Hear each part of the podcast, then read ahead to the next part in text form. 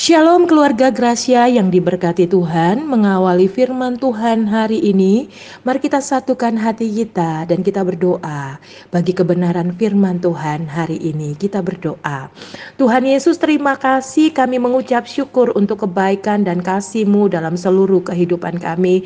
Sungguh Tuhan, kami bangga punya Tuhan yang luar biasa seperti Engkau. Tuhan, Engkau baik dalam seluruh kehidupan kami. Hari ini Tuhan Yesus, kami mau siapkan hati kami kami mau mendengarkan kebenaran firman-Mu. Kami berdoa Tuhan Engkau mengurapi kebenaran firman ini. Hamba terbatas tapi Engkau tidak terbatas. Roh Kudus-Mu Tuhan kami minta turun dalam setiap kehidupan kami. Menuntun kami, membuat kami memahami setiap kebenaran firman-Mu. Sehingga hati kami Tuhan menjadi tanah hati yang subur dan benih ini bertumbuh dalam setiap kehidupan kami. Tuhan sembunyikan hamba di balik salib-Mu dan biarlah kuasa-Mu yang nyata dalam hidup kami. Dalam nama Yesus kami berdoa. Haleluya. Amin. Bapak Ibu keluarga Gracia yang diberkati Tuhan, kenalkan nama saya Ibu Dei dan hari ini saya mau sharing kebenaran firman Tuhan di bawah tema mengucap syukur dalam segala hal. Kita mau lihat satu kebenaran firman Tuhan tentang mengucap syukur dalam 1 Tesalonika 5 ayatnya yang ke-18. Demikian bunyi kebenaran firman Tuhan. Mengucap syukurlah dalam segala hal sebab itulah yang dikehendaki Allah di dalam Kristus Kristus Yesus bagi kamu. Pendengar yang dikasihi Tuhan mengucap syukur, ini adalah perintah dari Tuhan. Sehingga kita tidak ada pilihan, kata tidak ada, jikalau atau kalau, kalau ada waktu dan sebagainya. Karena perintahnya adalah mengucap syukur dalam segala hal. Artinya, dalam seluruh aspek kehidupan manusia, bagaimana situasinya, apa pun kondisinya, apa pun yang kita alami, dikatakan kita ini harus mengucap syukur. Bagi setiap orang, mungkin mereka akan berkata, "Sudah jatuh tertimpa tangga, tapi kok malah disuruh mengucap syukur." Bapak Ibu yang dikasihi Tuhan, bagi orang yang belum mengetahui rahasia hukum mengucap syukur dalam segala hal akan berkata yang seperti ini. Tetapi bagi orang yang mengerti hukum mengucap syukur dalam segala hal akan selalu bersuka cita senantiasa. Kenapa? Karena ini adalah hukum rohani yang membawa dampak yang besar dalam hidup kita dampak yang luar biasa dalam hidup kita ketika kita mengucap syukur atas setiap situasi dalam kehidupan kita. Ada seorang yang sangat luar biasa, saya waktu baca kisahnya saya sangat diberkati, namanya adalah George Muller. Dia di tahun 1805 sampai 1898 ini adalah seorang pemilik panti asuhan di England.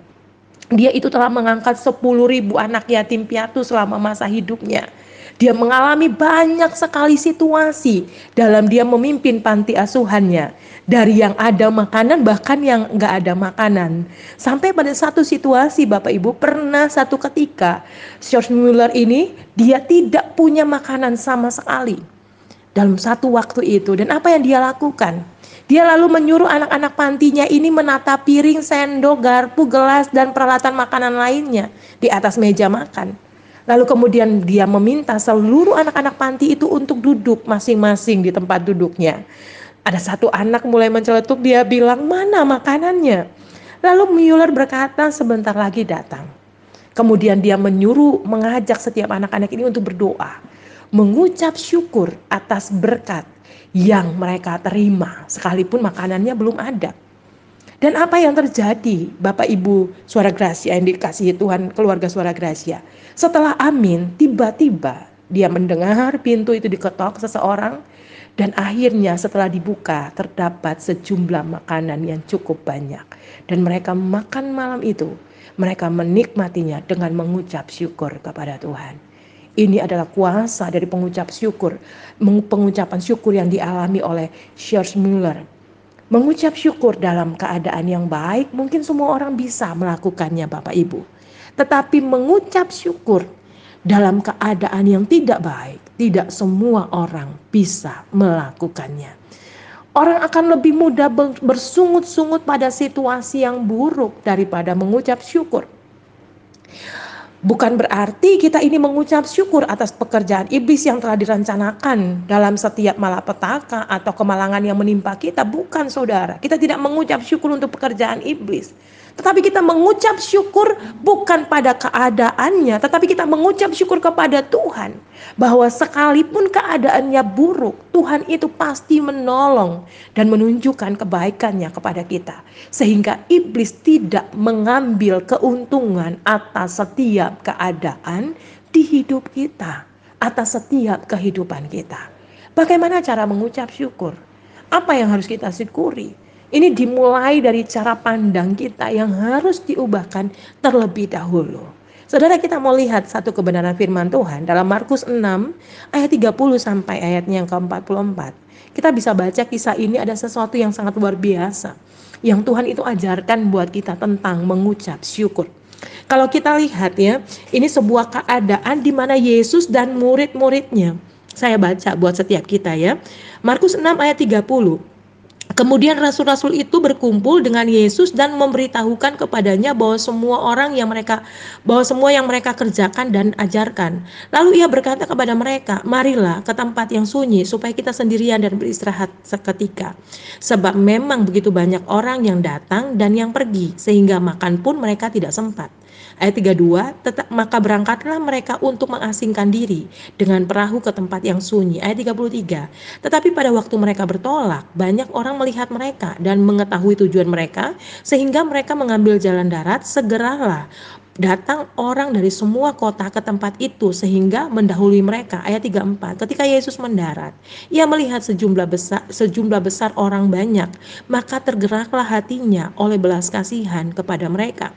Karena mereka seperti domba yang tidak mempunyai gembala. Lalu mulailah ia mengajar banyak hal kepada mereka.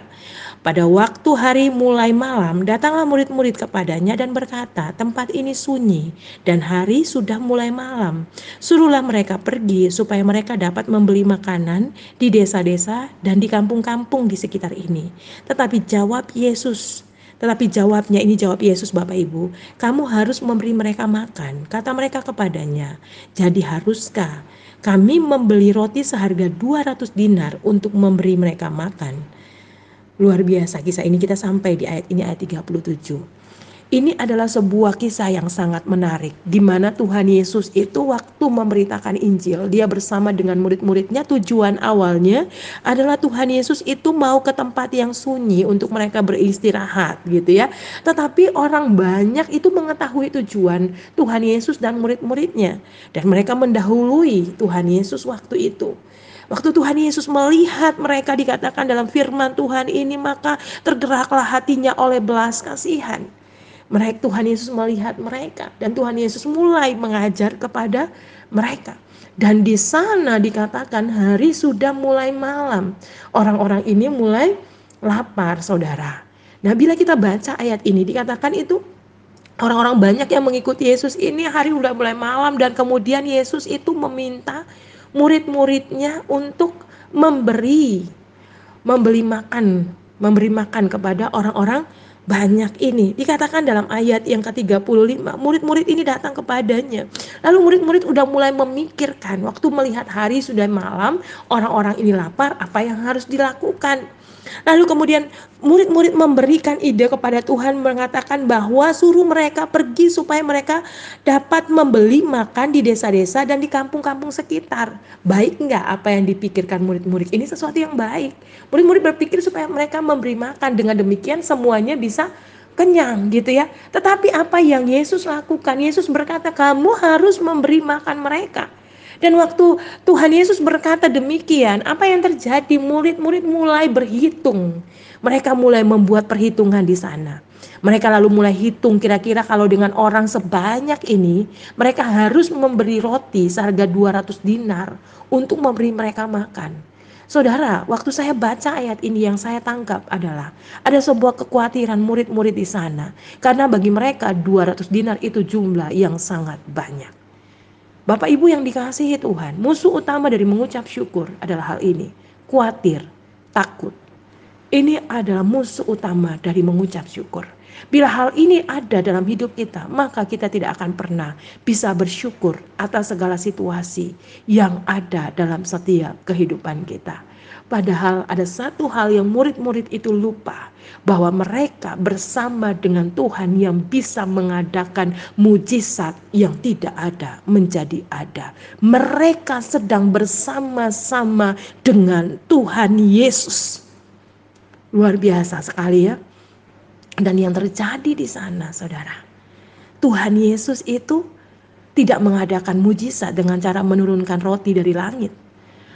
Seperti yang dinikmati oleh orang Israel waktu di padang gurun mana turun dari surga atau Tuhan Yesus tidak membuat sejumlah uang untuk memberi makan, membeli makanan bagi orang banyak itu? Atau Tuhan Yesus tidak mengirim malaikat Tuhan untuk memberi mereka makan? Tetapi Tuhan Yesus sedang mengajarkan sebuah nilai kepada murid-murid dan juga kepada kita, keluarga Gracia yang diberkati Tuhan. Di dalam ayatnya yang ke-38 dikatakan, tetapi ia berkata kepada murid-muridnya, berapa banyak roti yang ada padamu? Coba periksa. Sesudah mereka memeriksanya, dia berkata, lima roti dan dua ikan. Saudara, apa yang terjadi di sana? Tuhan Yesus sedang mengajarkan bahwa mujizat bisa terjadi dengan apa yang ada pada kita.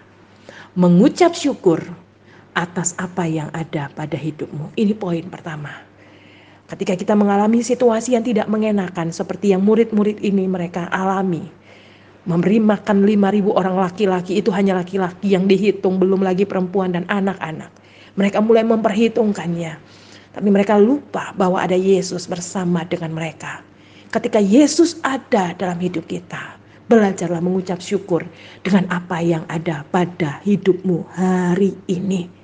Lima roti dan dua ikan mungkin angka yang sangat kecil dibandingkan dengan keperluan mereka untuk memberi makan lima ribu orang. Tetapi pengucapan syukur dengan apa yang ada pada mereka lima roti dan dua ikan ditambah pengucapan syukur membuat kuasa Tuhan bekerja dan mujizat terjadi.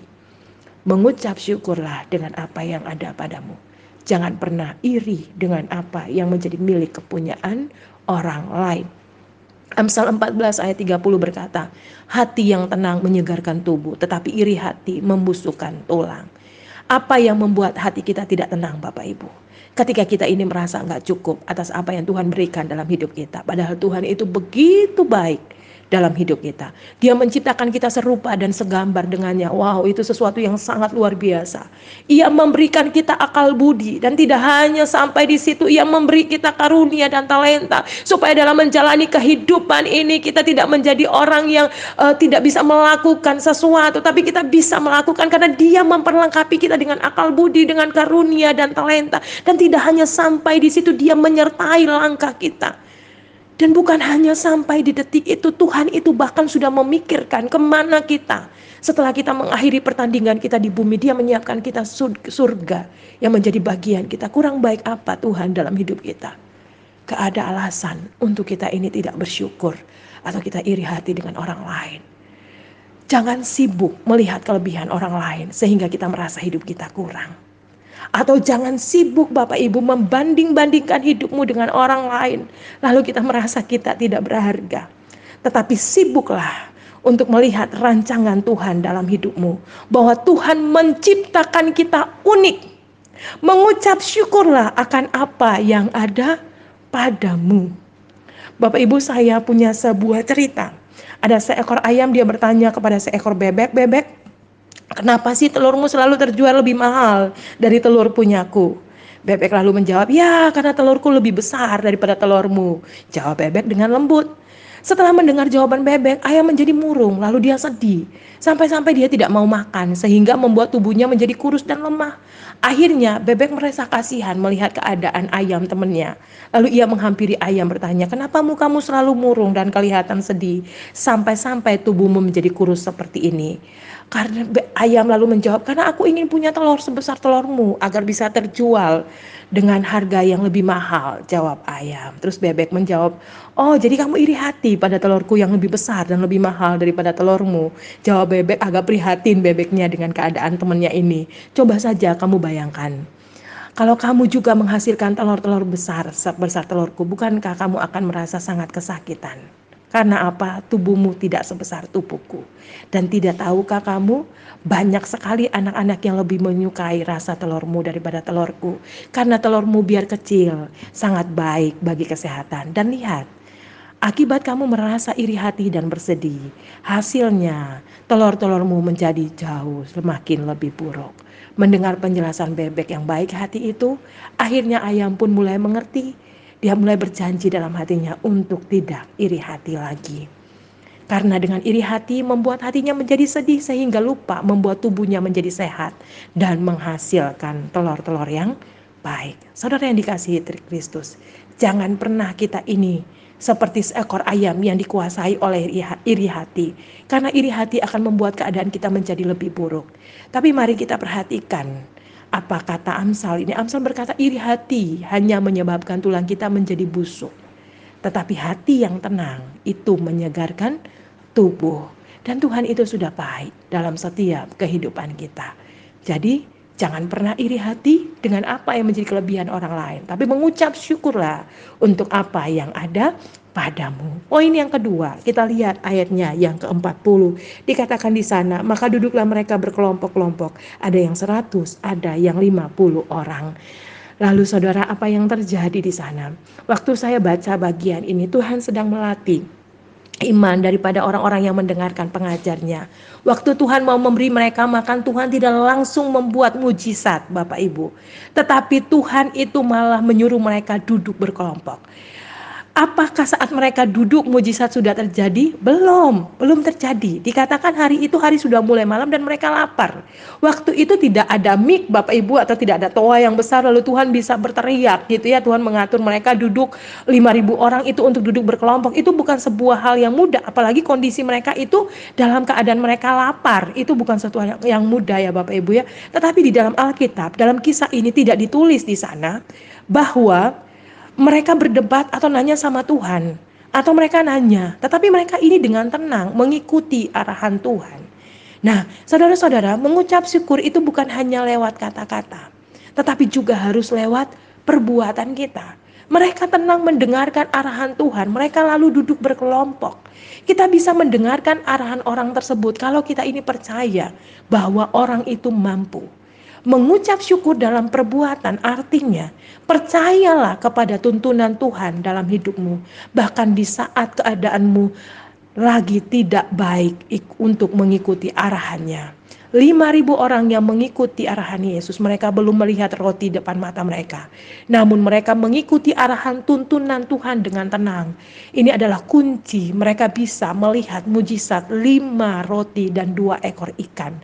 Hari ini, apa yang sedang kita hadapi Bapak Ibu?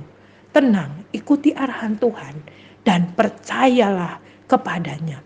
Dia sanggup mengadakan yang tidak ada menjadi ada Pelajarlah untuk percaya penuh kepada Tuhan kita. Karena dia adalah Allah yang sangat baik dalam seluruh kehidupan kita. Poin yang ketiga, bahwa apa yang bawa apa yang ada padamu kepada Tuhan dengan mengucap syukur. Di dalam ayat 41 dikatakan, dan setelah ia mengambil lima roti dan dua ikan itu. Ia menengadah ke langit dan mengucap berkat, lalu memecah-mecahkan roti itu dan memberikan kepada murid-muridnya supaya dibagi-bagikan kepada orang-orang itu. Begitu juga kedua ikan itu dibagi-bagikannya kepada mereka semua dan mereka semuanya makan sampai kenyang. Kemudian orang mengumpulkan potongan-potongan roti 12 bakul penuh selain daripada sisa-sisa ikan yang ikut makan roti itu adalah 5000 ribu orang laki-laki. Wow, Bapak Ibu ini sesuatu yang sangat luar biasa. Poin yang ketiga dari mengucap syukur, bawa apa yang ada padamu kepada Tuhan dengan mengucap syukur.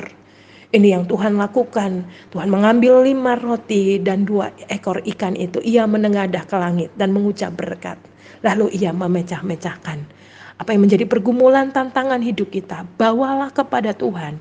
Ucaplah berkat atasnya Dalam segala keadaan di hidupmu, percayalah kepada Tuhan. Dia Allah yang sanggup menyelesaikan masalahmu, memberi jalan keluar atas situasimu. Waktu ketemu masalah, bawalah itu kepada Tuhan terlebih dahulu. Jangan curhat kepada teman atau datanglah curhat kepada Tuhan terlebih dahulu. Katakanlah semuanya dalam permohonan dan doamu. Biasakan untuk Tuhan itu menjadi tempat pertama yang tahu apa yang menjadi masalah dalam hidupmu Bapak Ibu. Ibu. Ucapkanlah berkat. Perhatikan kata-kata ini. Ini bicara soal perkatakan perkataan yang positif, kata-kata iman atas persoalan dalam hidupmu. Jangan pernah bersungut-sungut atau mempersalahkan orang lain. Bapak Ibu, keluarga Gracia, jangan habiskan kata-katamu untuk hal-hal yang sia-sia. Kata-kata yang sia-sia itu tidak menyelesaikan masalah kita perkataan iman akan membangkitkan iman kita untuk melihat mujizat Tuhan kerjakan dalam hidup kita. Perkataan kita mengandung kuasa yang sangat besar. Jadi gunakan kata-kata kita untuk mengucapkan, memperkatakan berkat atas segala situasi yang sedang terjadi dalam setiap kehidupan kita. Tiga poin ini kiranya menjadi berkat dalam seluruh kehidupan kita yang pertama, mengucap syukurlah atas apa yang ada pada kita. Yang kedua, mengucap syukurlah dalam perbuatan. Dan yang ketiga, bahwa apa yang pada pada kita kepada Allah dengan mengucap syukur. Ucapkanlah berkat atas situasi dalam hidupmu. Dan lagu ini terakhir menjadi penutup atas setiap pemberitaan firman Tuhan hari ini. Ku mau selalu bersyukur, selalu bersyukur. Kau Tuhan yang setia, yang selalu menopang. Ku mau selalu bersyukur, selalu bersyukur Kau Bapakku yang setia Ku mau selalu bersyukur Selalu bersyukur. Kau Tuhan yang setia Yang selalu menopangku. Mau selalu bersyukur Selalu bersyukur. Kau Bapakku yang setia Tuhan hamba berdoa atas setiap pendengar keluarga Gracia yang mendengarkan firman hari ini. Atas setiap keadaan di hidup mereka. Hamba berdoa di dalam nama Tuhan Yesus Kristus. Kau Allah yang melawat setiap hati. Tidak ada satu hal pun yang tersembunyi di hadapanmu. Atas setiap situasi keadaan yang keluarga Gracia mungkin sedang alami hari-hari ini. Mereka yang sedang ada dalam pergumulan tantangan hidup Tuhan hamba berdoa dalam nama Yesus. Biar mereka memiliki hati yang selalu mengucap syukur atas setiap keadaan yang terjadi dalam hidup mereka. Karena di balik kekuatan mengucap syukur ada berkat yang besar yang sudah Tuhan sediakan. Tuhan hamba berdoa, lawat setiap hati, kekuatan, penghiburan, sukacita, bahkan rema yang baru Tuhan berikan lewat kebenaran firman-Mu. Materaikan firman ini Tuhan, atas setiap pendengar yang mendengarkan, supaya mereka memiliki hati yang senantiasa mengucap syukur. Hamba berdoa, tegakkan setiap lutut yang mulai goyah hari ini, supaya lebih lagi datang kepada Tuhan.